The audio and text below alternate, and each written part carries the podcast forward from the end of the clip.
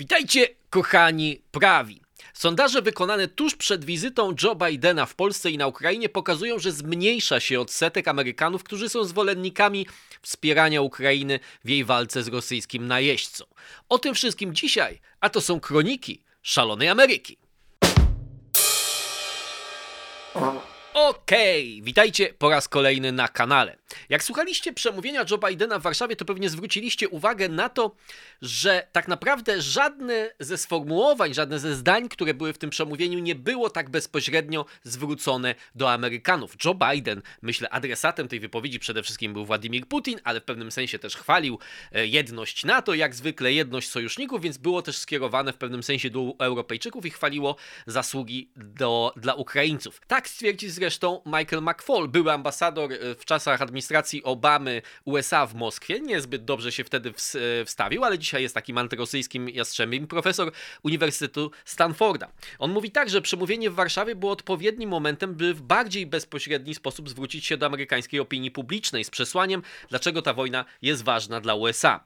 Jednak tutaj znów zdecydowano, aby tego nie robić. Biden mówił przede wszystkim do Europejczyków. Co więcej, jak posłuchamy sobie drugiego orędzia o stanie Unii Joe Bidena, tego z końcówki e, lutego, no to zobaczymy, że sprawa Ukrainy została wepchnięta dosyć daleko w tym e, orędziu, nawet za sprawą, której Joe Biden poświęcił więcej uwagi i wcześniej jej poświęcił uwagę, czyli sprawą tak zwanych śmieciowych opłat. Jak Amerykanie jeżdżą do różnych kurortów wypoczynkowych, że im się nalecza opłatę środowiskową, opłatę za serwis, opłatę za coś tam, tam, no i wtedy te ich rachunki za ten resort czy kurort, prawda, są napompowywane i to jest bardzo źle. I teraz pojawia się takie pytanie, czy to jest tak, że Biden w jakimś sensie boi się właśnie tego, że jak za dużo będzie mówił do, mm, o Ukrainie, jak za dużo będzie mówił o tym, ile Amerykanie wydają na pomoc Ukrainie, to to poparcie dla e, tego wysiłku Ameryki jeszcze się zmniejszy. No i teraz dlatego właśnie warto przyjrzeć się tym sondażom. Tutaj pojawi się wiele liczb, ale wnioski takie ogólne są dosyć proste. Otóż z czasem zwiększa się odsetek tych, którzy są zmęczeni tą wojną i zmniejsza się odsetek tych, którzy są zwolennikami jak najsilniejszego wspierania Ukrainy. E, I przede wszystkim, chociaż ten odsetek zmniejsza się ogólnie, to głównie to pochodzi z tego, że republikanie dramatycznie, te drastycznie zmienili swoje zdanie e, w sprawie Ukrainy. Pozytywny wniosek jest taki, że tak naprawdę jak popatrzymy sobie na te różne sondaże, zanalizujemy te liczby, to wynika z tego, że ci, którzy są zwolennikami wspierania Ukrainy, przynajmniej do pewnego stopnia, są ciągle zdecydowaną większością w Stanach Zjednoczonych. Ale tak jak powiedziałem, z sondażami jest tak, że dużo zależy od metodologii, jaką są one przeprowadzone, jak zadane zostanie pytanie. Dużo to zależy, czy ktoś jest republikaninem, czy demokratą, ale tak naprawdę w jednej kwestii Amerykanie zgadzają się. 98% respondentów stwierdza, że Powinniście zasubskrybować ten kanał, jeżeli jeszcze tego nie robicie. Ale dziękuję Amerykanom za to poparcie. Poczułem się jak Aleksander Łukaszenka, chociaż przez chwilę. W każdym razie, przechodzimy już teraz do rzeczy. W sondażu AP czy Associated Press z lutego 2023 roku 48% Amerykanów opowiada się za przekazywaniem broni Ukrainie. W maju 2022 tego zdania było 60% badanych. W sondażu Reuters Ipsos mamy zadane podobne pytanie. Wysyłane, wysyłanie broni na Ukrainę 58, czyli widzimy też, że są różnice duże pomiędzy e, tymi sondażami. W lutym 2023 e, to jest wynik 58%, 73% było zwolennikami e, w kwietniu 2022 roku.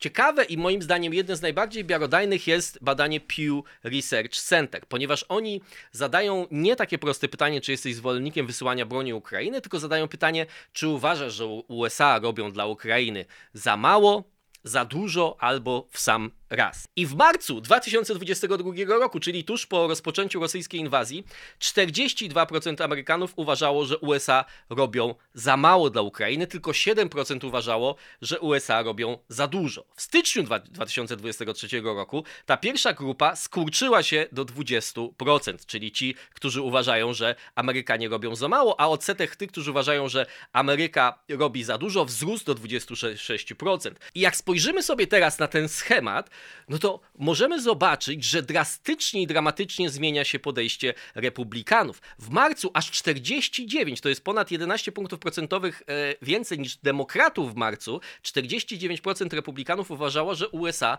robią za mało. To wynika najprawdopodobniej z tego, że wtedy linia była taka, że Joe Biden jest soft, że jego wycofanie z Afganistanu doprowadziło do tego, że Ameryka, jej y, wizerunek na świecie podupada e, i to była pewnie dominująca narracja w większości republikańskich kręgów. Natomiast w, mm, w styczniu 2023 tylko 17% republikanów uważa, że Ameryka robi za mało. E, aż 40% republikanów e, w styczniu 2023 uważa, że Ameryka robi za dużo. Widzimy wśród demokratów te liczby też się zmieniają, ale nie tak dramatycznie.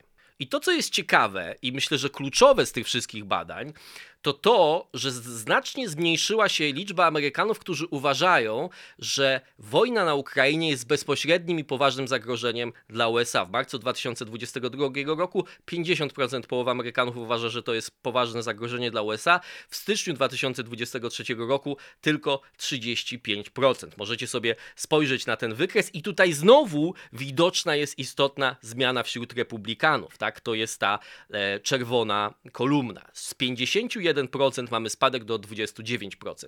U, u demokratów też jest to zauważalny spadek, ale tylko o 7 punktów procentowych. Natomiast wydaje się, że to nie jest takie proste, bo jak spojrzymy sobie, znaczy to nie jest proste i te wszystkie badania nie są takie proste właśnie ze względu na to, że w partii republikańskiej dzisiaj mamy tak naprawdę dwa skrzydła. Mamy skrzydło jastrzębi i mamy skrzydło tych, którzy są jeszcze bardziej są bardziej izolacjonistycznie nastawieni. Ci, którzy nawet posuwają się do tego, że mówią tak jak Kyle Becker, jeden z takich popularnych e, twitterowych publicystów prawicowych, populistycznych prawicowych, mówi: Ja nie widziałem żadnych z Ukrainy nagrań z tego, jak wyglądają walki. To ma oczywiście sugerować następną tezę, że tak jak mieliśmy pandemię, tak i mamy e, teatralizowaną, wymyśloną wojnę, która jest e, teatrem. Ale mamy te dwa skrzydła.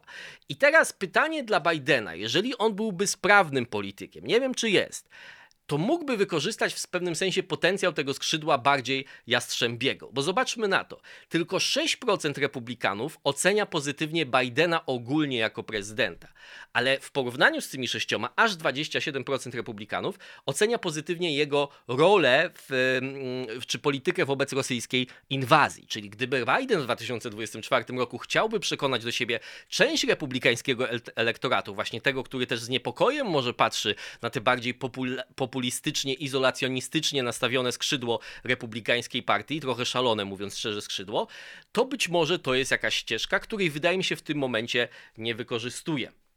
Jeszcze jeden sondaż. Wiem, że tych liczb jest dużo, ale mam nadzieję, że są one dla Was pomocne. Chicago Council Survey. On jest trochę już datowany, ale też możemy porównać inne punkty na tej skali. Tutaj będziemy porównywali Chicago Council, ten sam sondaż, czyli ta sama metodologia z listopada 2022 roku i z lipca 2022 roku. I pozytywne rzeczy wynikające z tego sondażu są takie, że jest spora część Amerykanów ciągle, 33% w listopadzie przynajmniej była, e, która popiera nawet wysłanie wojsk USA na Ukrainę. To jest mówiąc szczerze dosyć zaskakujący wynik. W lipcu ten wynik jeszcze był wyższy, bo wynosił 38%. 65% popiera wysłanie broni. Popierało w listopadzie. Pewnie za chwilę takie badanie kolejne, za pewnie dwa miesiące znowu zostanie przeprowadzone przez Chicago Council Surveys. W lipcu 72%, czyli mamy spadek, ale jest to spadek o 7 punktów procentowych. Co ciekawe jeszcze, i to też jest bardzo optymistyczne z polskiego punktu widzenia, 81% Amerykanów zdecydowanie popiera zaangażowanie USA w NATO. Z tych, z tych 81% 62% opiera, popiera utrzymanie na tym samym poziomie, który mamy dzisiaj, 19% popiera zwiększenie tego zaangażowania. Tak? Natomiast to, co jest ciekawe, to jest pytanie, które zostało zadane w tym sondażu, czy Stany Zjednoczone powinny wspierać Ukrainę tak długo, jak to jest potrzebne, nawet jeśli będzie to oznaczało jakieś koszty dla amerykańskich gospodarstw domowych. Czyli w listopadzie, czyli w tym ostatnim badaniu, tę opcję popiera 61% demokratów i tylko 33% republikanów. Z kolei aż 63% republikanów popiera tę opcję, która mówi, że należy doprowadzić do pokoju jak najszybciej, jak to możliwe, E, nawet jeśli będzie to kosztem terytorium, żeby ograniczyć też koszty dla Amerykanów i amerykańskich gospodarstw domowych, nawet jeśli to będzie kosztem koncesji terytorialnych ze strony Ukrainy. 63% republikanów e, popiera tę opcję i tylko 36% demokratów, a w sumie 47% Amerykanów. Czyli widzimy, że te dwie opcje tak naprawdę są podzielone 50-50. Jak to się zmieniło z czasem? Republikanie wsparcie dla Ukrainy w lipcu 2000 2022 aż 50% było z nich e, zwolennikami tej opcji, czyli wsparcie nawet kosztem kosztów dla amerykańskich gospodarstw domowych. E, dzisiaj to jest tylko 33. E, jeżeli chodzi o to wsparcie tej opcji pokojowej, nawet kosztem koncesji, to mm, dzisiaj to jest 63% republikanów, a w lipcu to było 48%. To, co jest ciekawe jeszcze z tego sondażu, to taka dygresja, ale być może ciekawa, bo to też jest może wskazówka dla polityków, którzy chcą w jakiś sposób zarządzać opinią publiczną, tworząc odpowiednie narracje. Otóż istnieje zauważalna korelacja pomiędzy tym, czy ktoś uważa, że Ukraina sobie lepiej radzi na polu walki, czy tym, czy ktoś uważa, że Rosja sobie, czy Rosja ma przewagę, czy Ukraina ma przewagę. Spośród tych, którzy uważają, że Ukraina ma przewagę, 71% jest zwolennikami tej opcji wspierania Ukrainy aż do zwycięstwa. Spośród tych, którzy uważają, że Rosja ma przewagę, aż 60% uważa, że należy dążyć za wszelką cenę do pokoju. Jak patrzymy na to spadające poparcie wśród Amerykanów, to warto sobie to jednak wyświetlić na przykładzie na przykład Niemiec. Otóż z lutego sondaż Forsa e, Poll, luty 2023, w tym sondażu aż 80% Niemców uważa, że ważniejsze jest zakończenie wojny negocjacjami niż zwycięstwo Ukrainy. 18% tylko się nie zgadza z tym e, stwierdzeniem. W sondażu Ipsos 56% Niemców uważa, że obecne problemy ekonomiczne, też jest bardzo ciekawe, sprawiają, że finansowe wsparcie Ukrainy jest niemożliwe. Mało pieniążków mają Niemcy. Bania, no zwalisz mi to światło, tam przecież nie idź. Gdzie ty idziesz, dziecko? Na wstecznym, wsteczny, wsteczny, wrzuć wsteczny. I przeszła. Zadowolona?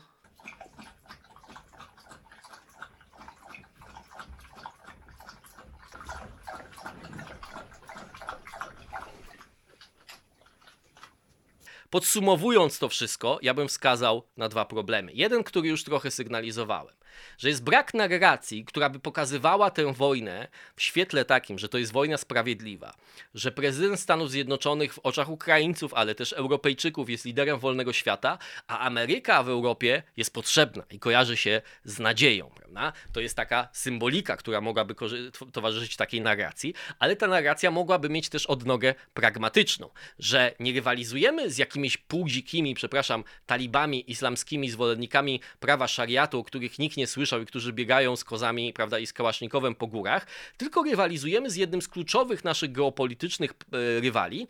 Co więcej, Koszty są oczywiście pokaźne, ale z drugiej strony nie ponosimy żadnych kosztów ludzkich, znaczy amerykańscy żołnierze nie giną i ta wojna to jest taka wojna, o jaką zawsze amerykańscy publicyści i wielu krytyków interwencji w Iraku czy w Afganistanie zabiegało. To znaczy to jest wojna, w której ci, którzy, o których wolność chodzi, walczą sami e, w tej wojnie, a nie wyręczają się Amerykanami.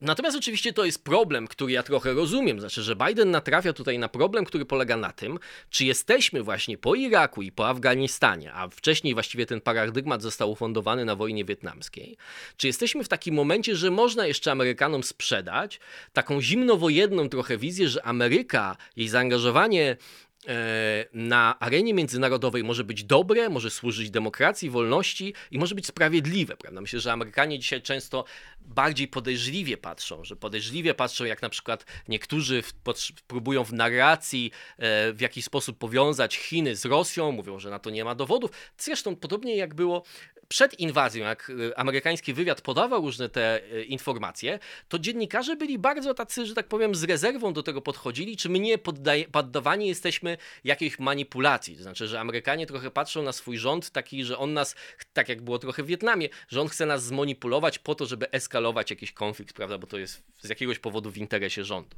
E, więc trudno to jest ocenić, czy, czy powrót do takiej narracji, gdzie tak jak Kennedy można powiedzieć, będziemy mówili, że potrzebne są poświęcenia, tak, czy powrót do jakiegoś rodzaju doktryny Trumana, która byłaby powszechnie e, sprzedawana Amerykanom, czy jest w tym momencie możliwy, bo na pewno Joe Biden wybiera taką opcję, że mówi, to jest ważne, bronimy demokracji, ale wy się nie martwcie, ja to załatwię tak, że wy nie będziecie ponosić żadnych kosztów. I to jest problematyczne, bo po pierwsze, im dłużej trwa, trwa wojna, tym mniej prawdopodobne jest to, że Amerykanie nie poniosą kosztów, bo ta, e, te biliony, które, które się nakładają na siebie są coraz większe.